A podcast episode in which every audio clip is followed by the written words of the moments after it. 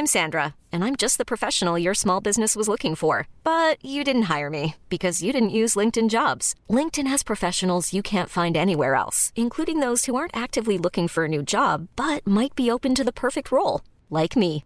In a given month, over 70% of LinkedIn users don't visit other leading job sites. So if you're not looking on LinkedIn, you'll miss out on great candidates like Sandra. Start hiring professionals like a professional. Post your free job on linkedin.com/achieve slash achieve today. Hold up. What was that? Boring. No flavor. That was as bad as those leftovers you ate all week. Kiki Palmer here, and it's time to say hello to something fresh and guilt-free. Hello Fresh. Jazz up dinner with pecan-crusted chicken or garlic butter shrimp scampi. Now that's music to my mouth. Hello Fresh. Let's get this dinner party started. Discover all the delicious possibilities at hellofresh.com. Hey, Dave. Yeah, Randy. Since we founded Bombus, we've always said our socks, underwear, and t shirts are super soft. Any new ideas? Maybe sublimely soft. Or disgustingly cozy? Wait, what? I got it. Bombus. Absurdly comfortable essentials for yourself And for those facing homelessness. because one purchased equals one donated. Wow, did we just write an ad? Yes. Bombas. Big comfort for everyone. Go to bombas.com slash ACAST and use code ACAST for 20% off your first purchase. He said I wasn't any liquor. He said I was going out of my mind. You're Not going out of your mind. You're slowly and systematically being driven out of your mind. But why? Why? I can discuss some of the psychological aspects of the case. You've got to get a hold of yourself. Now look here, Johnson, I'm going to get to the bottom of this. I can discuss some of the psychological aspects of the case. And you're really crazy, you know that? Oh, yes, I remember that. Is this any concern of yours? Er psykolog Sondre Livre her. Diagnosen er dessverre svært alvorlig. Det viser seg at alt du tenker og føler er feil. Du må for all del ikke stole på hjernen din, den lyver. Alt du opplever er filtrert via nevroser fra ubevisste avkroker. Hvis du følger nøye med, er det en liten mulighet for at jeg kan hjelpe deg. I can discuss some of the I can discuss some of the I can discuss some of the psychological aspects of the case. Well, I'm just losing my mind, that's all.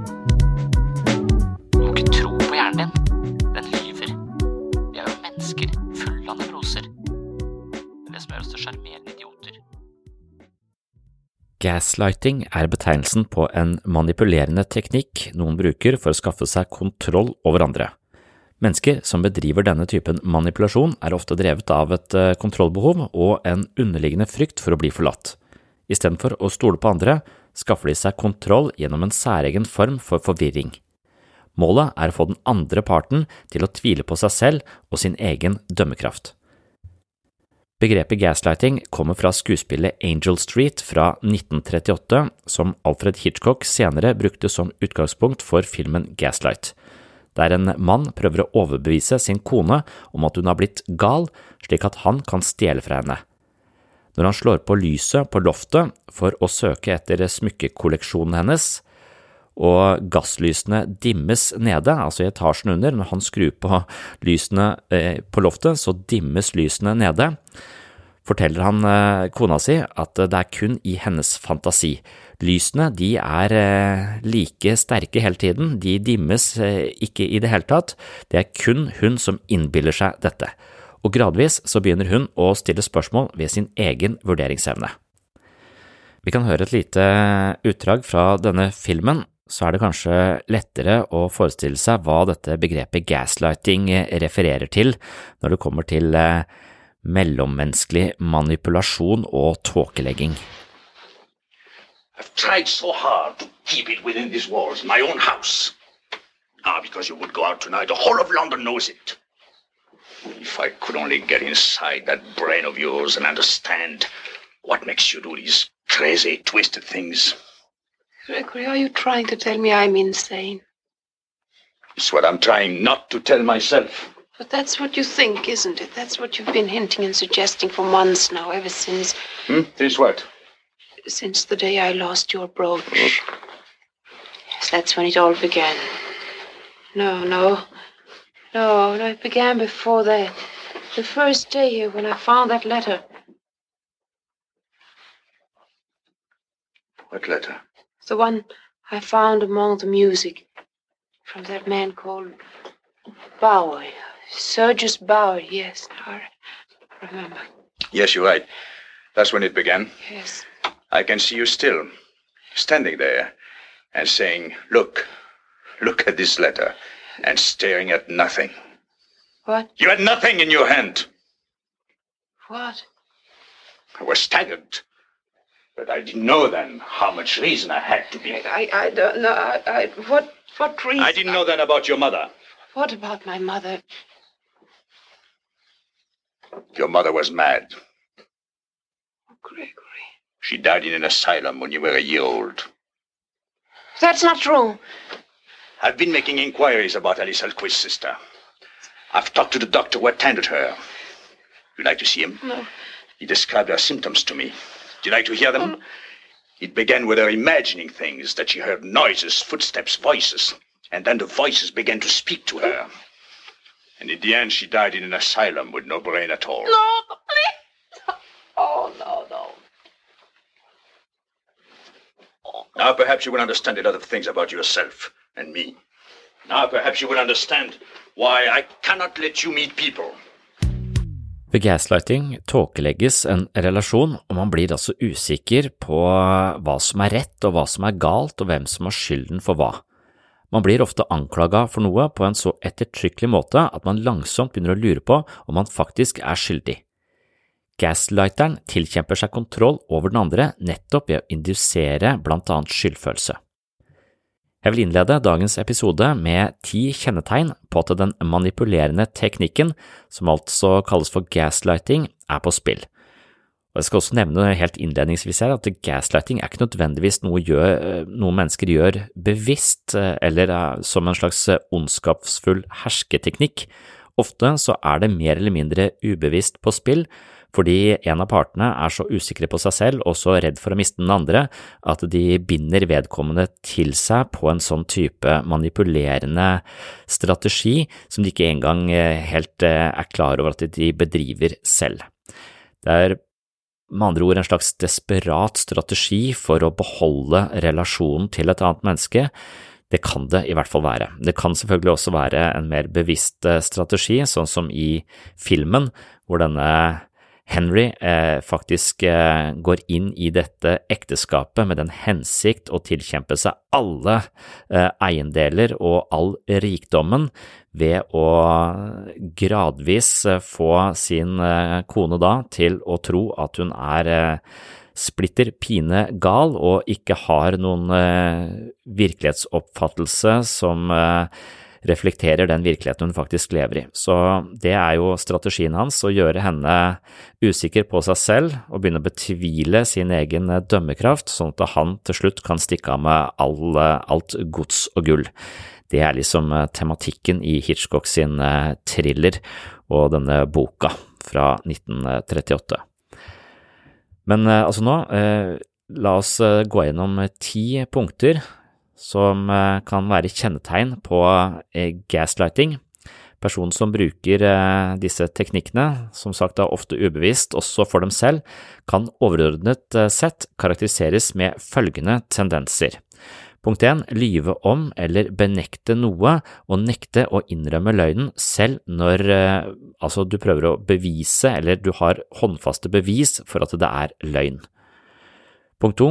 Insistere på at en hendelse eller oppførsel du var vitne til aldri skjedde og at du husker den episoden feil. Punkt 3. Spre rykter og sladder om deg, eller fortelle deg at andre sladrer om deg. Punkt 4. Disse folka bytter ofte samtaleevne, eller rett og slett nekter å lytte når de blir konfrontert med en løgn eller andre usannheter de bruker i tåkeleggingens tjeneste. Punkt 5. De forteller deg ofte at du overreagerer når du konfronterer dem. Det var ikke sånn det var ment, det var ikke så farlig, det var bare en spøk. Altså den typen eh, forsvar, når man har eh, bedrevet en form for manipulerende strategi, så vil man eh, rett og slett bagatellisere sin egen atferd og si at det er du som overreagerer. Og det er også sånn man kan legitimere mobbing ofte. Nei, det er bare du som tar deg nær av ting. Altså som man fraskriver seg ansvaret for å være en trakasserer ved å påstå at den andre er nærtagende. Punkt seks, manipulerende skyldfordeling å si at hvis du handlet annerledes, så ville ikke jeg behandla deg sånn, så det er egentlig din feil. Så måten jeg er på, det er fordi du er sånn som du er. Punkt sju, prøver å glatte over ting med kjærlige ord som ikke stemmer overens med handlingene deres. Punkt åtte, de vrir og vrenger på en historie for å minimere fokus på den fornærmede oppførselen de selv er ansvarlig for. Punkt ni, de minimerer deres sårende oppførsel eller ord ved å si noe som eh, det var bare en spøk eller du er alltid så følsom. Punkt 10. Forsøker å fjerne deg fra venner og familie som kanskje kjenner igjen symptomene på manipulasjonen som foregår. Og nesten samtlige av disse ti punktene var på spill i dette korte utdraget fra filmen Gaslight. Og på slutten så hørte vi også hvordan han tenkte at, eh, eller hvordan han påstår at eh, kona da ikke kan eh, være ute blant folk fordi hun er i ferd med å bli gal. Han påstår også at dette ligger i genene hennes, at moren var gal, og etter hvert så begynner hun å tvile på alt og blir veldig usikker. Og grunnen til at uh, gaslighteren, altså hvis man kan kalle det det, eller den manipulerende parten, ikke vil at uh, den andre skal ut blant folk, er jo fordi at uh, ute blant folk så kan man få korrigert og bekrefta sin egen virkelighetsoppfattelse, og da langsomt forstå at man er utsatt for manipulasjon. Så hva si, kuren mot uh, gaslighting, det er jo rett og slett å få lufta perspektivene sine med en tredjepart, sånn at man ikke blir fanga i denne manipulerende tåka. Så dersom man har havna i gaslighterens eh, tåkelandskap, så kan det være vanskelig å se ting klart, og ofte føler man seg diffust skyldig. I dagens episode skal vi dykke ned i denne mellommenneskelige hersketeknikken, som ikke alltid brukes bevisst av mennesker, men som en delvis ubevisst eh, strategi for å lindre egen frykt for å bli forlatt ved å binde andre mennesker til seg selv med svært uheldige strategier. Velkommen til en ny episode av Sinnssyn. Og dag er det et interessant tema, egentlig. Manipulasjon. Det tror jeg er noe som beveger seg mellom mennesker eh, mer eller mindre bevisst nesten hele tiden. Og så er det noen ganger det er mer bevisst enn andre ganger, og da er det jo anser vi det vel som litt mer eh, sjofullt enn hvis man gjør det mer eller mindre i en slags desperasjon. Så når det gjelder sånn manipulasjon, på folkemunne så tror jeg man kaller det, eller på engelsk folkemunne kaller man det gaslighting. Det er i hvert fall en variant av det som er veldig sånn vanlig å, å, snakke om for tida, har jeg inntrykk av. Så jeg prøvde å finne ut av hva gaslighting egentlig, hvor det kom fra. Og da viste det at det kom fra en eh, psykologisk thriller fra 1944 med Ingrid Bergman i hovedrollen som Paula. Og det er litt sånn, eh, sånn den, Der er det en historie hvor eh, Paula gifter seg med en fyr som heter Gregory. Og så og så mener han at de burde flytte hjem til eh, hennes avdøde tante, som var en berømt eh, operasangerinne. Men hun eh, tanta hun ble drept. Hun hadde masse verdier, masse juveler og malerier og brosjer og noe greier som var veldig verdifulle. Så, men så var det noen som brøt seg inn, drepte henne, men så rakk de ikke å få med seg verdisakene, så de måtte stikke av før, før det. Så de bestemmer seg for å flytte hjem i dette huset hvor de verdisakene er. Gregory og Paula. Og så vil eh, Gregory at de skal ha disse eh, verdisakene hjemme de oppe på loftet. Og så begynner liksom hele, hele situasjonen, da, hvor, eh, hvor, Paula begynner å synes at det, ting forsvinner. Det forsvinner et maleri her, det forsvinner et maleri der. og Så sier hun til ektemannen så sier, hun, så sier han nei, men det er du som tar de, husker du ikke det? Det er du som har bare fjerna de og lagt et annet sted. Og så nei, jeg kan ikke huske det i hele tatt. Og så syns hun hun hører ting på loftet. Og så spør hun hører du at det er noen på loftet, eller i går kveld så hørte jeg det var noen på loftet. Så nei, jeg kan ikke høre det, det er bare i ditt hode, sier han. Og så forsvinner en sånn brosje som er veldig verdifull, og så dukker den eh, noen dager eh, senere så dukker den opp i veska til Paula. Og da sier ja, se det er du som gjør dette her, sier eh, Gregory. Og, det, og, så begynner hun å tvile på seg selv og sin egen hukommelse og sin egen dømmekraft og blir helt eh, forstyrra, stakkars. Lurer på hva faen er det som skjer her, går jeg fra vettet? Og så sier hun at det er et eller annet med lyset her, altså det blir bare mer og mer dempa. altså Lysene er svakere. og Det er sånne gasslys, da, det er den tittelen over gaslight. Og så sier hun nei, det er også bare i ditt, uh, i ditt hode. Så, så, til slutt så mener han at hun er så forstyrra at hun må legges inn. Og han uh, får henne da skal til å få henne innlagt på en psykiatrisk avdeling fordi hun har hodet fullt av vrangforestillinger. Men så rett før det skjer, så møter hun en politimann når hun er ute og liksom fortvila. Så følger han henne hjem. Og så sier han hva er det med de lysa deres? De blaffer jo og flakker og er ganske svake. Dere må skru opp, eh, skru opp gassen så dere ser litt bedre. Og så får hun da bekrefta at hennes virkelighetsoppfattelse ikke er så gal.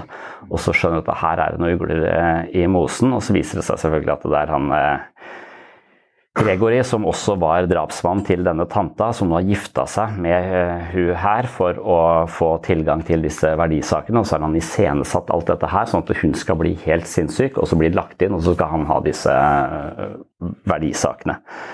Så det er liksom uh, gaslighting-ideen, eller at man rett og slett får andre mennesker til å tvile på sin egen dømmekraft gjerne med skyldfølelse og anklage de og, og snike til de ulike kommentarer som gjør at de begynner å tvile på, på seg sjøl. Og så er jo målet da makt.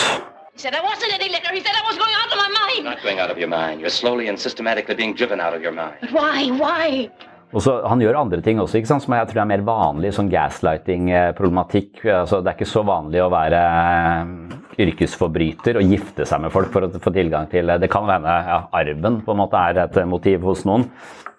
Men det er kanskje mer vanlig det han gjør, fordi han har en sånn tjenestepike som er litt eh, eldre og skral. Og han eh, gir henne sparken, og så ansetter han en ny tjenestepike som er ung og pen, som han flørter med. Og når eh, Paula konfronterer han med det, så sier han bare at hun overreagerer. Og da føler hun seg igjen skyldig, for hun vil ikke anklage ektemannen sin for å ha gjort noe galt, når det bare er liksom hennes eh, Hun er hypersensitiv, eh, sier han. Hun overreagerer. Så hvordan kan han liksom anklage henne, eller Gregory, for det når han elsker henne så høyt? Det er utakknemlig. Så, så, igjen så, så kaster han bare skylden over på henne, og så fortsetter han å oppføre seg på en uh, ugrei måte. Da. Så han legitimerer sin egen uh, dårlige oppførsel ved å si at det er henne det er noe galt med. Så når det dukker opp da, i sånne parforhold eller i relasjoner, så, så er det ofte sånne fraser som uh, 'nå overreagerer du', eller 'ikke vær så følsom'. Eller sånne kommentarer som 'det har jeg aldri sagt', eller 'du husker feil'. Du er bare paranoid. Nå må du legge det bak deg. Alle andre har gjort det. Det er sånn type setninger som invaliderer andres opplevelser. Og når de da blir invalidert, så begynner man å tenke ja, det er kanskje feil, da, det, det jeg opplever. Så blir man usikker. Og når man er usikker, så har man ikke en tendens til å lytte til seg selv. Da har man en tendens til å se ut etter signaler på hva som er riktig rundt meg. Og da er det mye lettere å se etter lederen eller til eh, ektemannen eller til eh, kona eller til eh, vennen. Altså hvor, hvor, hvordan ser virkeligheten ut? Nå kan jeg ikke stole på min egen virkelighetsoppfattelse. Så der har jo han eh, Salmon Ash husker jeg har en sånn konformitetsstudier som, som, viser nettopp dette at når vi blir usikre, så, så, vil vi gjøre som resten gjør, eller tro på virkeligheten til de andre. Så han setter jo folk inn i et rom, og så har han sånne streker på veggene, og så sier han hvilken strek er kortest.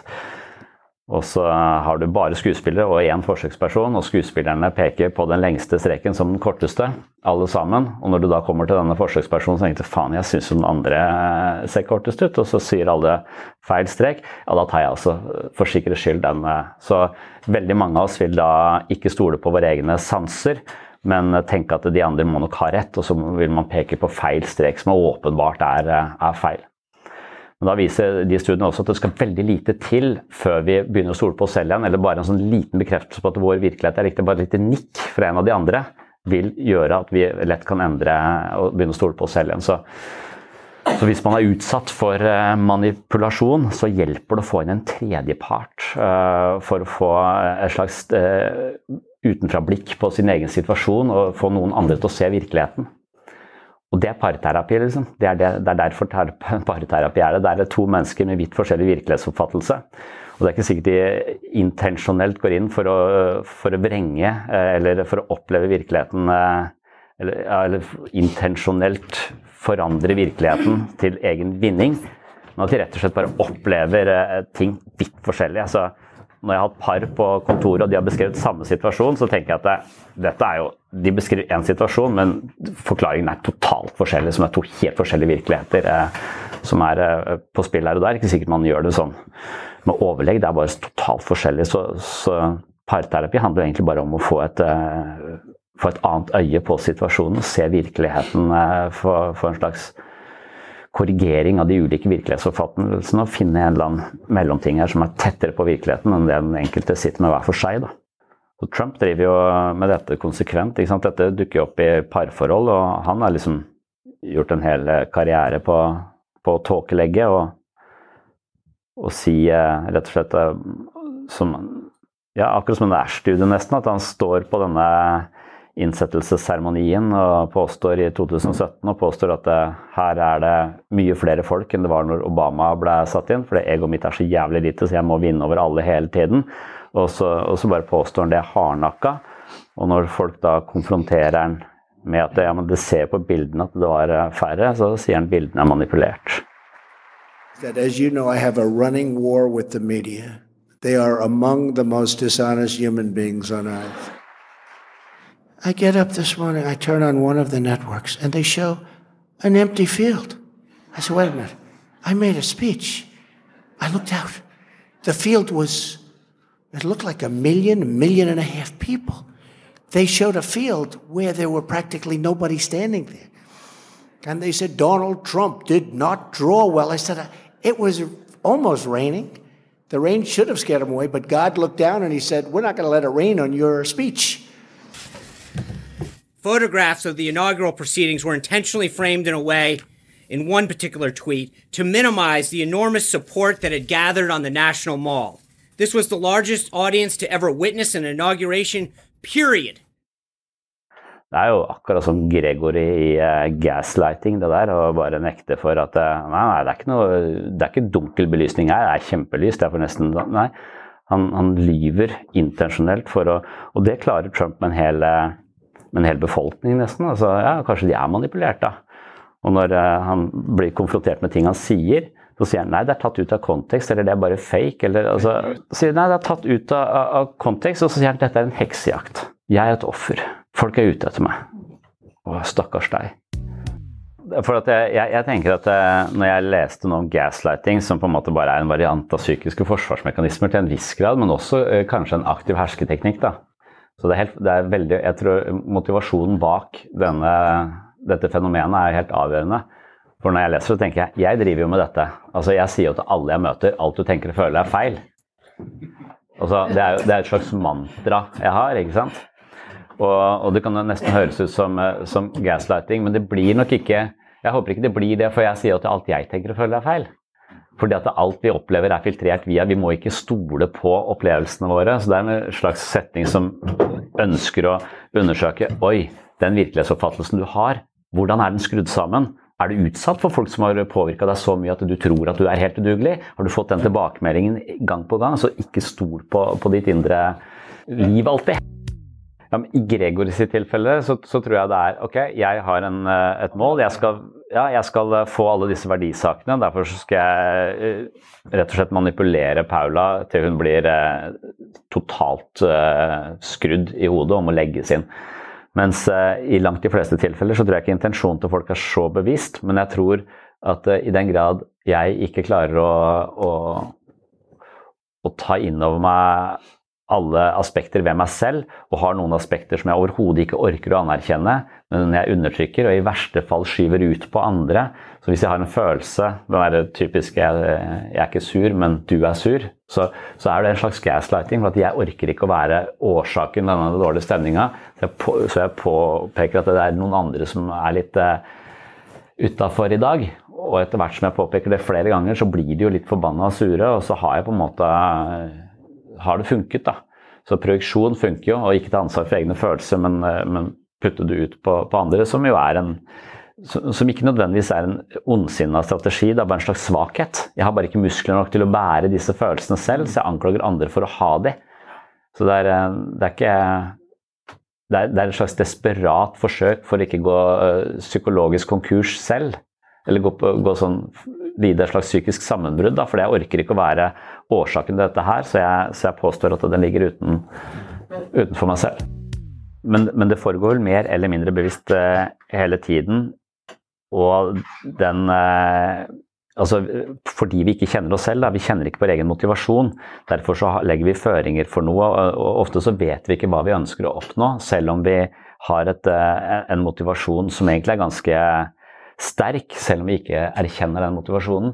Så, så jeg, dette tenkte jeg på her om dagen. Jeg har møtt mange mennesker som lever i et sånn type voldelige parforhold. og Noen går fra det ene voldelige parforholdet til det andre, til det tredje, til det fjerde. De gjentar seg, gjentar seg, gjentar seg. Så et slags mønster i, i livet deres. Og, og, så eh, ble det liksom kobla opp mot disse studiene til Milgram. Og Milgram er jo sannsynligvis en forsker En del av hans studier er jo dementert uh, fordi at det, de klarer ikke å replisere de, og, de, og greia er nok at jeg, som så, så, Milgram liksom, Når Milgram stager en sånn uh, situasjon hvor han skal vise at mennesker kan komme til å begå forferdelige handlinger hvis de blir pressa nok, eller hvis de blir manipulert eller overbevist, eller en i hvit frakk, en autoritet, sier noe til dem, så blir de som en slags uh, lydig uh, soldat, og så gjør de det de får beskjed om. Og De slutter å tenke selv. ikke sant? Og dette bor i alle mennesker. og Det vil nok han vise, for det blir en ganske interessant bok. Boka heter 'Obedience to Authority', ikke sant? og den, den, boka er blant de mest solgte innenfor psykologisjangeren. Så han har jo uh, et kjempeinteressant studie hvor han hvor det sitter folk bak en skjerm, og så skal de løse noen matematikkoppgaver. Eller hver gang de gjør en feil, så skal de få et støt. Og så skal de øke det støtet hver gang. helt eh, til, Og så er det da en del av oss som er villig til å øke strømmen så mye at den personen åpenbart stryker med bak der. Liksom, nesten sånn at det, i hvert fall så at det er sykt vondt. Du hører hylene. ikke sant? Så, de, så, vi, vi, ja, så lenge det er et forskningsprosjekt, han sier det, så gjør jeg det. Det er veldig få som sier nei, det gidder jeg ikke, for han har jævlig vondt nå. Så dette her syns jeg ikke er helt eh, redelig å holde på med. Så, så, det er som om Milgram har en slags eh, hensikt kanskje et sted. Han ønsker å finne at dette, dette, bor i alle mennesker, og så er han biased på en måte i eh, studiene sine. Samme med det, det er eh, Prison Experiment han Zimbardo. Han, eh, han, hadde mange fingre med i det spillet som sørget for at folk som fikk på seg uniform, ble altså umenneskelige og påførte andre lidelser fra en annen verden, liksom, bare fordi de fikk på seg uniform. Og det, det, det, det, kan jeg bevise i disse studiene, men så tror jeg nok at han var mye mer med i dette og stagea dette mye mer, litt sånn som Dan Brown, liksom, som er en mentalist. Derfor så har man sagt at disse studiene kan vi ikke stole på uh, lenger. De viser kanskje noe, men, men her, de, de, er nå Zimbardo har måttet sagt ja, sorry, det ja Eh, det gikk litt over stokk og stein der. ikke sant? Men jeg lurer på om det er den samme dynamikken som oppstår i et slags eh, parforhold hvor den ene personen har en idé om at eh, jeg er ikke spesielt verdifull, og jeg er ikke verdt å elske. Men du sier du elsker meg, men det må jeg teste ut. Elsker du meg egentlig? Og så gjør jeg litt sånn, og så gjør jeg litt sånn, og så gjør jeg litt sånn. Så har du egentlig en slags hypotese du ønsker å få bekrefta, nettopp at nei, du er også sånn som slår. Og da kjører du den omtrent like langt som eh, Milgram eller Zimbardo til du eh, hos mennesker som kanskje i utgangspunktet egentlig ikke hadde slått, kommer til å bli pressa opp i et hjørne hvor det til slutt klikker. Eh, også, også, ja, du er også eh, blant de farlige.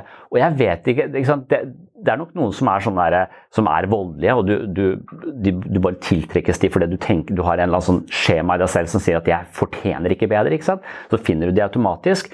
Men hvis du da finner en som ikke slår, det er da ofte man får ofte Hvis den andre ikke oppfører seg sånn som jeg tenker at jeg er verdt, eller sånn i, i, takt med min selvforståelse, så må vi begynne å prøve å presse den andre inn i denne selvforståelsen, sånn at, de, sånn at ting henger på greip, sånn at virkeligheten er forståelig for meg og forutsigbar. For Hvis virkeligheten ikke er forutsigbar, hvis jeg tror du kommer til å slå meg og du aldri gjør det, så kanskje du er på vakt. Og så begynner man å teste og teste og teste, og så til slutt så finner man akkurat det samme som Milgram finner. Ja, folk er eh, villige til å drepe nesten uansett. Life is full of what ifs. Some awesome, like what if AI could fold your laundry?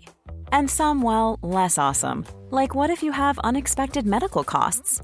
United Healthcare can help get you covered with Health Protector Guard fixed indemnity insurance plans They supplement your primary plan to help you manage out of pocket costs. No deductibles, no enrollment periods, and especially no more what ifs. Visit uh1.com to find the Health Protector Guard plan for you. Ever catch yourself eating the same flavorless dinner three days in a row? Dreaming of something better? Well, HelloFresh is your guilt free dream come true, baby. It's me, Kiki Palmer. Let's wake up those taste buds with hot, juicy pecan crusted chicken or garlic butter shrimp scampi. Mm. Hello Fresh. Stop dreaming of all the delicious possibilities and dig in at HelloFresh.com. Let's get this dinner party started. Hiring for your small business? If you're not looking for professionals on LinkedIn, you're looking in the wrong place. That's like looking for your car keys in a fish tank. LinkedIn helps you hire professionals you can't find anywhere else, even those who aren't actively searching for a new job but might be open to the perfect role. In a given month, over 70% of LinkedIn users don't even visit other leading job sites. So start looking in the right place. With LinkedIn, you can hire professionals like a professional. Post your free job on linkedin.com slash achieve today. Det virker som kan være en sånn, eh, en sånn dynamikk, og på en måte så er det en variant av manipulasjon i hvert fall. Nei, tradisjonelt sett så er det volds, den voldelige parten som blir sett på som uh, blir, alltid, blir alltid sanksjonert, for det er aldri greit å slå noen. I, og det er noen som virkelig bør bures inne eh, for det og sånn, men så kan det finnes situasjoner hvor man også blir pressa inn, altså at det bor i alle mennesker at vi blir pressa inn i situasjoner for på en eller annen måte at vi er en slags brikke i et uh, psykologisk univers som ikke nødvendigvis bare hører til oss, men det vekkes noe i oss som kanskje ikke hadde vekkes i en annen relasjon. Så det å kategorisk si at du er en voldsperson, du må holde deg unna alt og alle, du er farlig. Og man kan sikkert ikke si det om, om Johnny Depp og hun der Amber Heard heller. Alle mennesker vil ha disse tendensene i seg, fordi at for, å, for, å, for at jeg skal vite hvem jeg er, så, så, må jo folk liksom se meg litt sånn som jeg tenker at jeg er. Og da, da trenger jeg å vise noe som gjør at, det, ja, at, de, at, at jeg får en forståelse av at min, min mine tanker om meg selv, det er sånn andre også til en viss grad tenker om meg. Noen tenker litt annerledes. Gruppeterapi går ut på å finne ut av tenker noen helt annerledes om meg, som jeg kan eh, se og utvide min, min forståelse på en eller annen måte. Men sånn sosialt sett så trenger jeg at ting eh, Vite hvem jeg er, da. Jeg blir liksom til i andres øyne.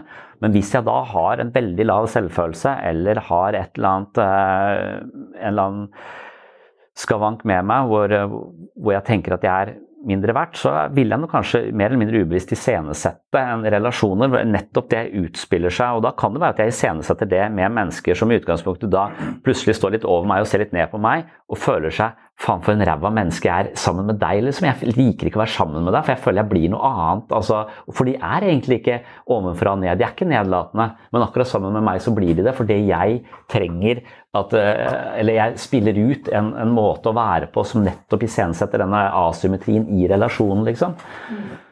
Og Det, det, tror jeg er eh, liksom, det, for å unngå det. Og det er en form for gaslighting. Da. Du kan jo da, eller manipulering. Du manipulerer andre til å behandle deg eh, dårlig, for da veit du hvem du er. Og, og, jeg tenker For å unngå det, så må man jo Man må jo kjenne seg selv. Og det er jo det psykologi går ut på. Bare kjenne seg selv. Man må kjenne alle disse fellene. Man må kjenne alle disse tendensene vi har til å For, for gaslighting er jo det, er jo det, kan jo også kalles markedsføring, liksom. Det er jo det er det, det er noen ganger. Noen ganger så skal, det, skal, folk bevisst prøve å lure oss til å kjøpe noe, og de vet hva, hva som trigger oss. Hvis vi har skrevet under på et eller annet dokument eller har prøvekjørt en bil, så er det jævlig vanskelig å si at nei, jeg vil ikke ha den likevel. Liker du ikke bilen min? Syns du ikke den var bra? Altså, jo, jo, jo, ok, jeg tar den. Altså for, en sånn følelse av at uh, du skylder noen noe. Utrolig mange sånne strategier som, som, kommer vår vei for å få oss til å handle på bestemte måter. Og markedsføring går ut på det.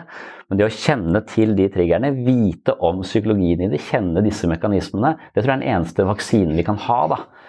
Men også kjenne oss selv. Hvilke følelser er det jeg ikke tåler? Når er det jeg begynner å ikke ta ansvar for mitt, men legge det over på andre? Altså, hvor langt ut i krangelen blir jeg urimelig? Hvis vi, hvis vi klarer å, å, kjenne oss selv og vite om disse tingene, så, så vet vi i hvert fall hvor det er hull i bakken da, som vi kan falle ned i. Jeg tror det er eneste, eneste vaksinen som er. Derfor så tenker jeg litt sånn verdifullt å vite om alle disse mekanismene. Jeg tror sånn som Ole Martin Moen, som eh, jobber på Oslo OsloMet og, og, er veldig involvert i skoleverket, han er veldig forkjemper for en sånn type Han mener mer filosofi, da. Men mer liksom en slags bevissthet på, på, måter å tenke på, og hvordan eh, tankene våre lures inn, hvordan følelsene våre påvirker tankene. altså At, vi, at tenkning er ikke å altså Skole bør ikke gå ut på å huske ting som har skjedd. Skole bør gå ut på å trene hjernen sin til å tenke godt. Han mener at tenkning er en, eh, en egenskap lik linje med fotball og tennis. altså Det er noe du må trene opp for å tenke, bli, bli, en god tenker.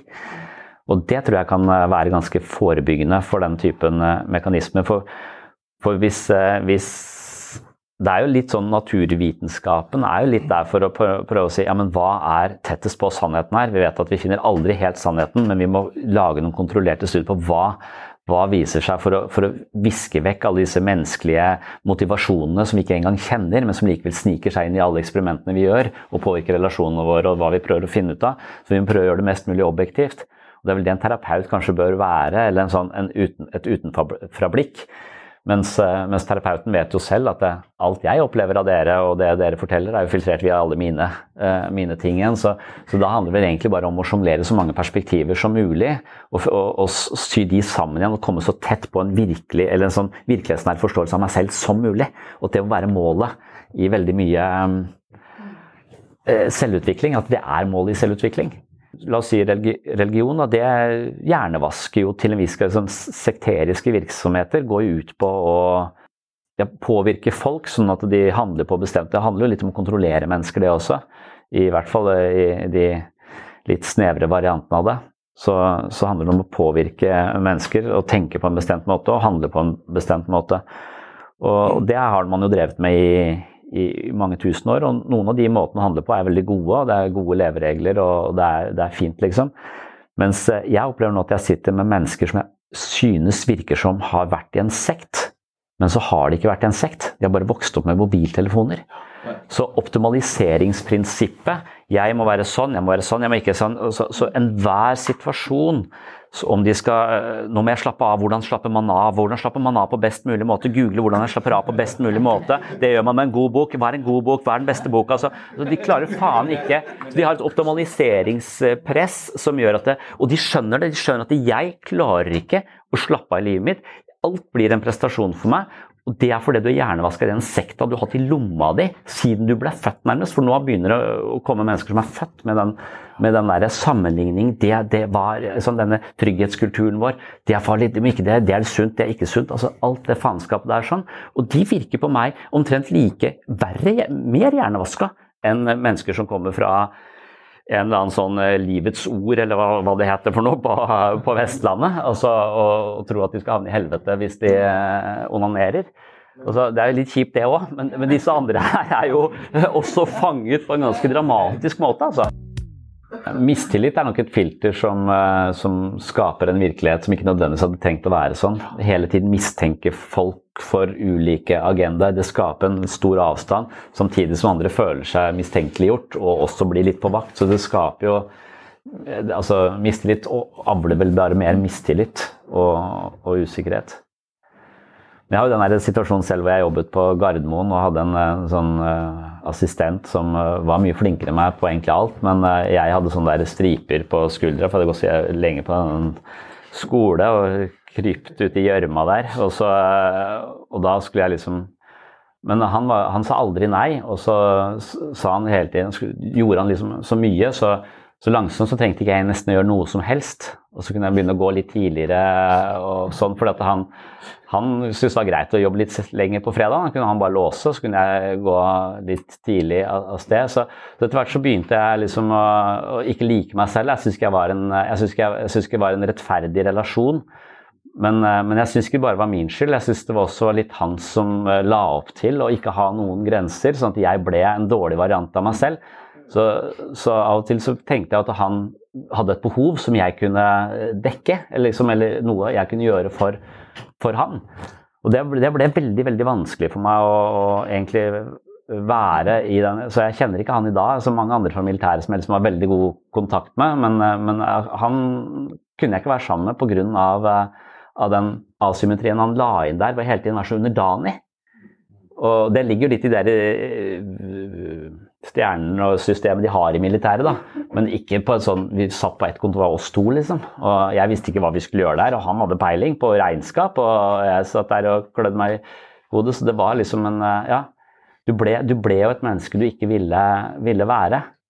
Men jeg syns det var litt hans ansvar også å sette litt flere Eller trenge litt mer. Kreve litt mer. Kan jeg gå tidlig da? Ja! For da kan jeg å være et godt menneske. Fram til nå så har jeg bare vært helt ræva.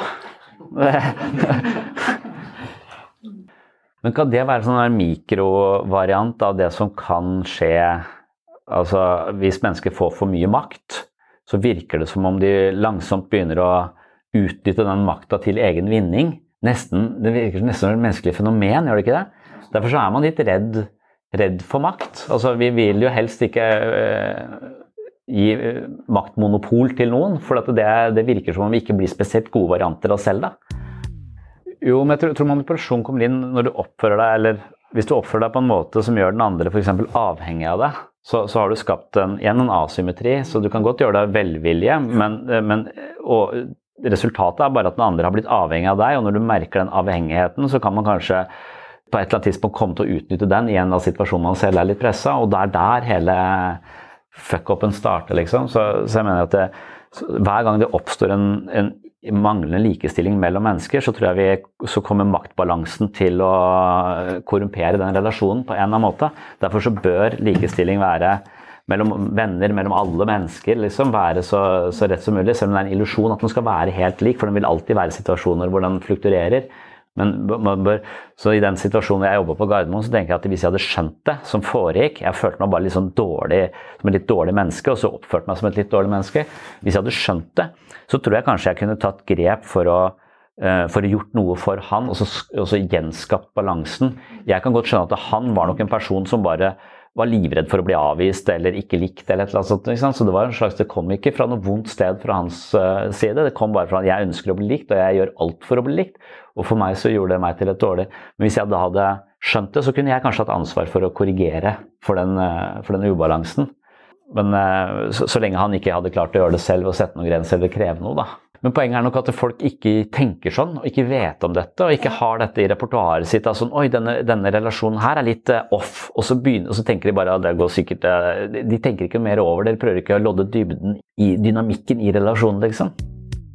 Men det er jo omtrent like det å forsørge noen på en sånn måte at de slipper å gjøre noe som helst.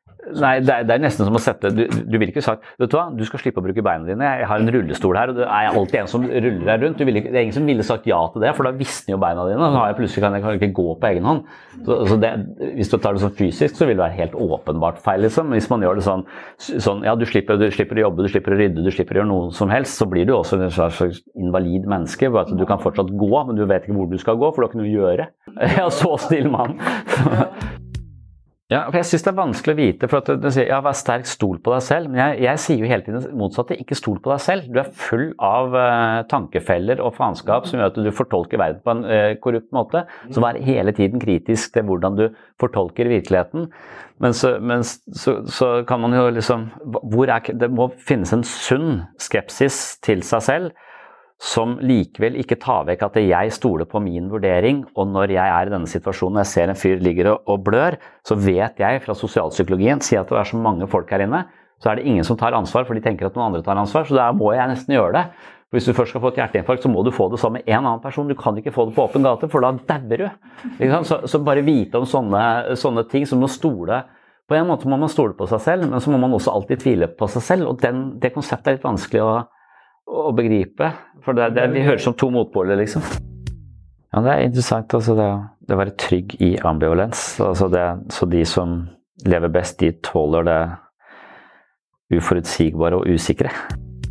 Men jeg lurer på, hvis, hvis, man ser på bevissthetens utvikling i lag, og at den går fra å være sånn eh, det er rett og det er galt. Det er liksom Bibelen. Det er rett, det er galt. Altså, det er en veldig uh, simpel uh, forståelse av virkeligheten som er lett å navigere etter.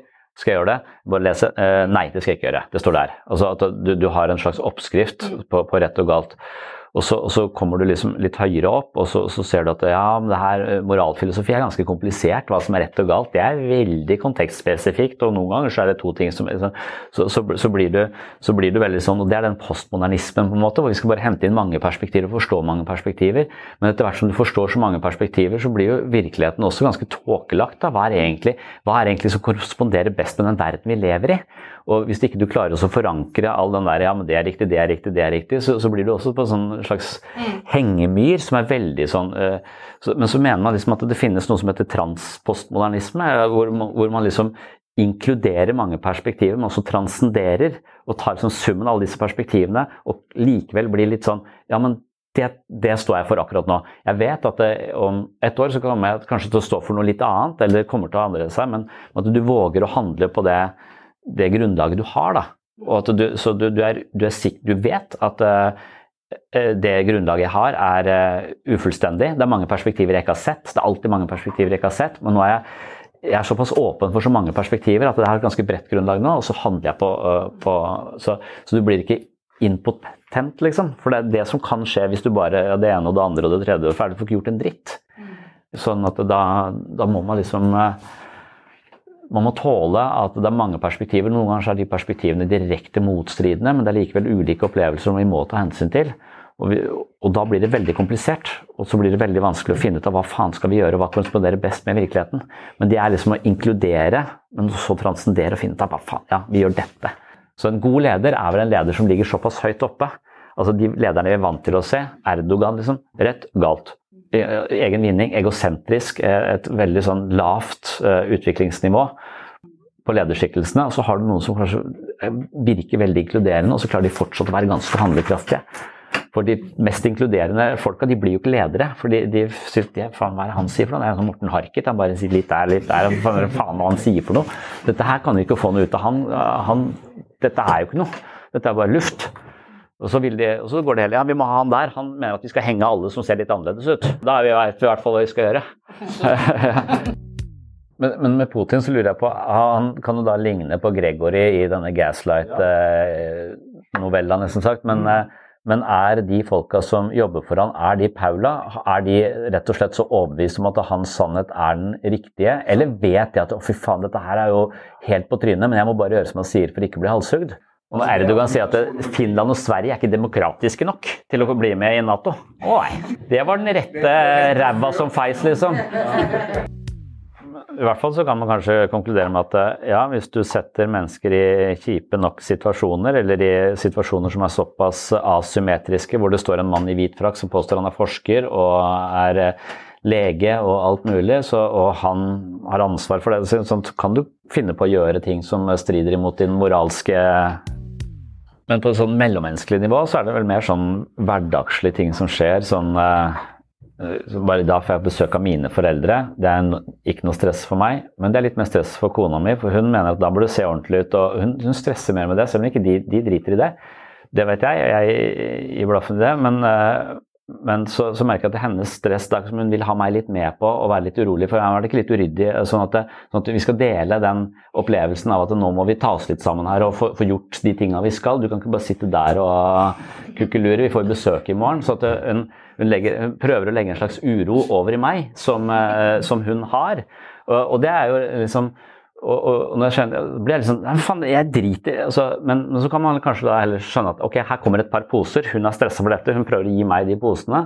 Og da kan jeg si ok, jeg kan ta de posene, for jeg er ikke stressa for dette. Jeg kan vite hva som skjer, så prøve å berolige vedkommende isteden. Men det blir liksom ikke sagt åpenbart at jeg er stressa for at de kommer. Det er bare sånn ja, men vi må gjøre det, det blir sånn skjult innad, og så føler jeg plutselig at ja, hvorfor er jeg så jævlig stressa i dag? Hva er det som, hva er skjer? Vi skal jo ha barnevakt. Det er jo det er jo egentlig en god ting. Du spurte dette her ble mer stress enn eh, en avlastning. Og det er ikke på en måte gaslighting, det er bare liksom at du prøver å legge en følelse som hun har eh, altså ut, sånn at vi kan dele den litt og ta, ta, bære det sammen, føler jeg. Men, men, hvis man gjør det uten å ta Hvis hun hadde bare fortsatt ikke vært urolig selv, bare lagt, gjort meg urolig og så satt seg på sofaen og slått meg altså, da, da, føler jeg det hadde vært mer sånn en slags hersketeknikk. Men hun trenger egentlig bare en til å dele dette dette med. Og da kan de liksom Ja, jeg kan ta de posene, så blir det ikke så tungt. Så, så, mens de som gjør det aktivt for å unngå egne følelser og bare plassere de over i andre, da tror jeg du har en helt annen sånn Eller det er mye giftigere, da, å ikke orke å ta ansvar for dette i det hele tatt. Altså, ga gaslighting, altså hele, selve begrepet passer jo fordi at det, det, handler om å tåkelegge, det handler om å gjøre noe dunkelt og litt, uh, litt skjult. Og på norsk så kalles det Pinocchio-syndromet. Pinocchio fordi det er noen som ligger bak i kulissene og trekker i trådene, men det er ikke helt klart hvem som gjør det. Så i min situasjon og din situasjon så vil det vel være sånn at det, hvis den andre parten hadde sagt vet du hva, jeg er stressa for at vi får besøk i morgen, jeg, er litt, eh, jeg trenger litt hjelp til at vi får rydda for at jeg får roa meg ned, hvis du hadde sagt det helt åpent, så hadde det ikke vært gaslighting. Men det blir ikke sagt sånn. Det blir bare liksom skapt en slags, det blir sluppet ut en type uro uh, som, som ikke blir eh, artikulert. og det er dermed, men, men, Med litt innsikt så kan man bare forstå den, og så kan man rydde opp i det selv og gi det et språk for seg selv eller for den andre. og så har man liksom så hvis man har det språket, så, det, så, så kommer det ut. Da, da, skrur vi på lyset og ser nei, det er dette som foregår når vi er stressa for at vi får besøk eh, i morgen. Og du er mer stressa enn meg, for det er mine foreldre, og jeg bryr meg ikke så mye om det, og det gjør du. Så da har vi et språk på det. Men så lenge det ligger i underteksten og ikke blir artikulert, så kommer det ut som en slags Her er det noen som har gitt meg en uro. Men det er Pinocchio-syndromet. For jeg vet ikke helt det, hvem er det som trekker disse trådene og skaper den uroen i meg nå? Hvor kommer dette fra? Og så vet jeg ikke, ser jeg liksom rundt meg, og så, og så skjønner jeg det ikke helt. Og det mest dramatiske sånn, virkelighetsforvrengningen som fins, er jo de der forhørene som ble gjort på 80-tallet, som kommer nå ut i podkastformat. Politiets avhørsmetoder var sånn at vi får poeng og bonus hvis vedkommende tilstår. Og da kan du jo bare presse på og skape forvirring og gaslighte til langt inn i helvete, så, så vil folk eh, innrømme at de har begått et drap de overhodet ikke har begått. Ikke det har jo skjedd mange ganger. Det er psykologisk tortur.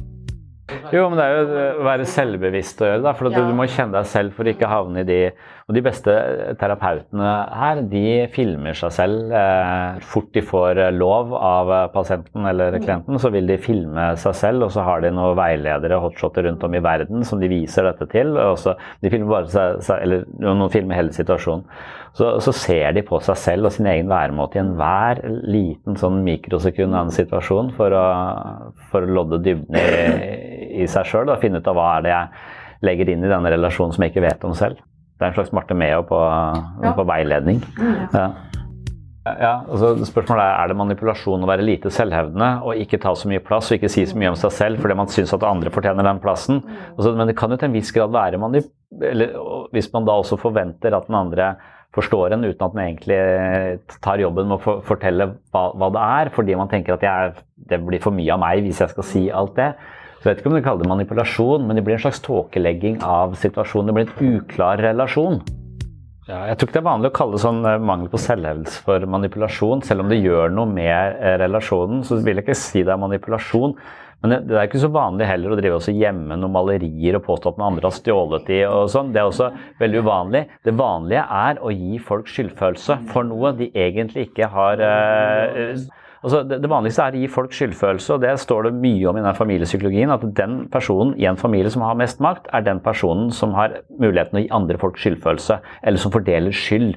De kan være stille, trenger ikke å si noe, no, no, men det er de som gir folk skyldfølelse og sanksjonerer de på en sånn stilltiende måte. Det er gaslighting. Det er liksom ja. Eh, manipulasjon og bruk av ja, Det å vekke skyldfølelse i andre, da har du stor kontroll på, på, de. Og det er jo det han Gregory gjør. Han, han gir henne skyldfølelse fordi at ja, men Han flørter jo ikke, selv om han åpenbart flørter. Vi ser det i den filmen. Han åpenbart flørter, men han påstår at det er hun som overreagerer. ikke sant? Da, da gir han henne skylden for denne eh, vrange opplevelsen. Hun er til og med liksom uforskamma, så kan man anklage han for noe sånt noe. Så hun er til og med ikke sant? Hun er, hun er slem. Selv om hun egentlig bare påpeker eh, noe som er, er åpenbart. Så er, da er du ute på noe, noe til egen vinning. Takk for at du hørte på Sinnsyn. Det var det vi hadde om eh, gaslighting i denne omgang. Men eh, det å drive en form for manipulasjon fordi man eh, på en eller annen måte føler seg usikker eller tilkortkommen eller frykter å bli forlatt og dermed blir desperat etter å holde folk på nær, nært hold, det er en tematikk som eh, kommer til å komme tilbake her på podkasten, og det er en tematikk jeg har snakket om mange ganger tidligere.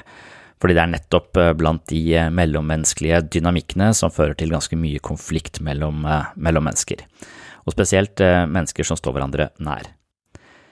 Så det vil du høre mer om hvis du følger podkasten.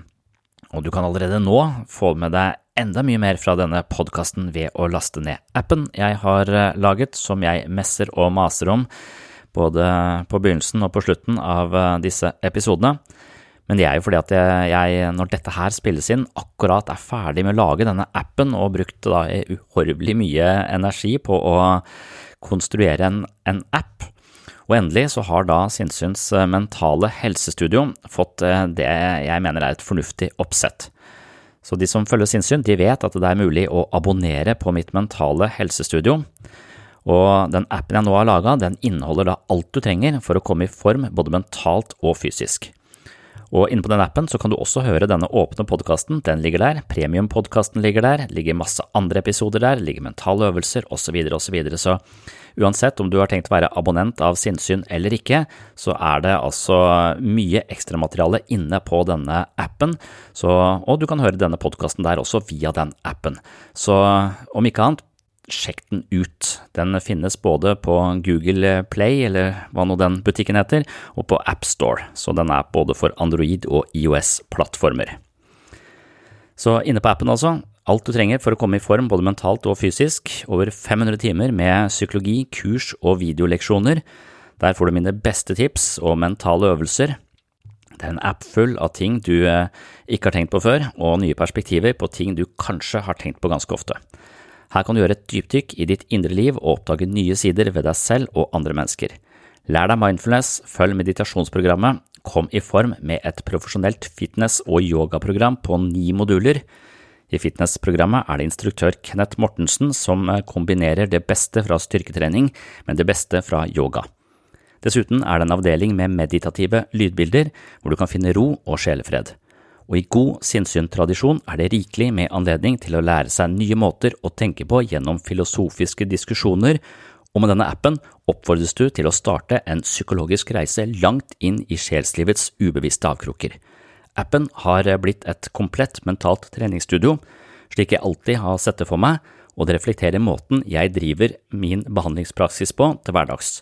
Her får du et mentalt helsestudio rett i lomma. Appen er gratis å laste ned Sjekk den ut med en gang. Oh, I'm just losing my mind, that's all.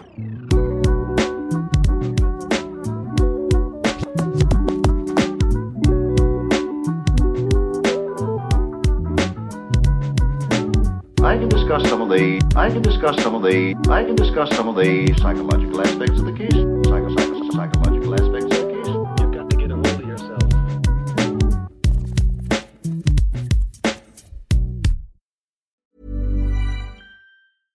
Ever catch yourself eating the same flavorless dinner three days in a row?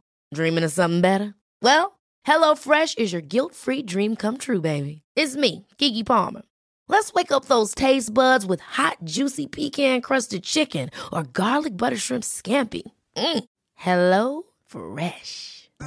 Stop dreaming of all the delicious possibilities and dig in at HelloFresh.com. Let's get this dinner party started. Even when we're on a budget, we still deserve nice things.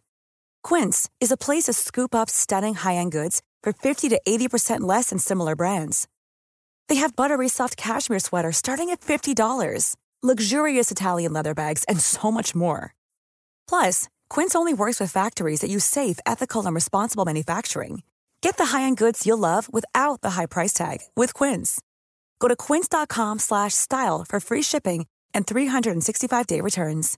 Imagine the softest sheets you've ever felt. Now imagine them getting even softer over time. That's what you'll feel with Bowl and Branch's organic cotton sheets. In a recent customer survey, 96% replied that Bowl and Branch sheets get softer with every wash. Start getting your best night's sleep in these sheets that get softer and softer for years to come. Try their sheets with a 30-night guarantee. Plus, get 15% off your first order at bowlandbranch.com. Code BUTTERY. Exclusions apply. See site for details.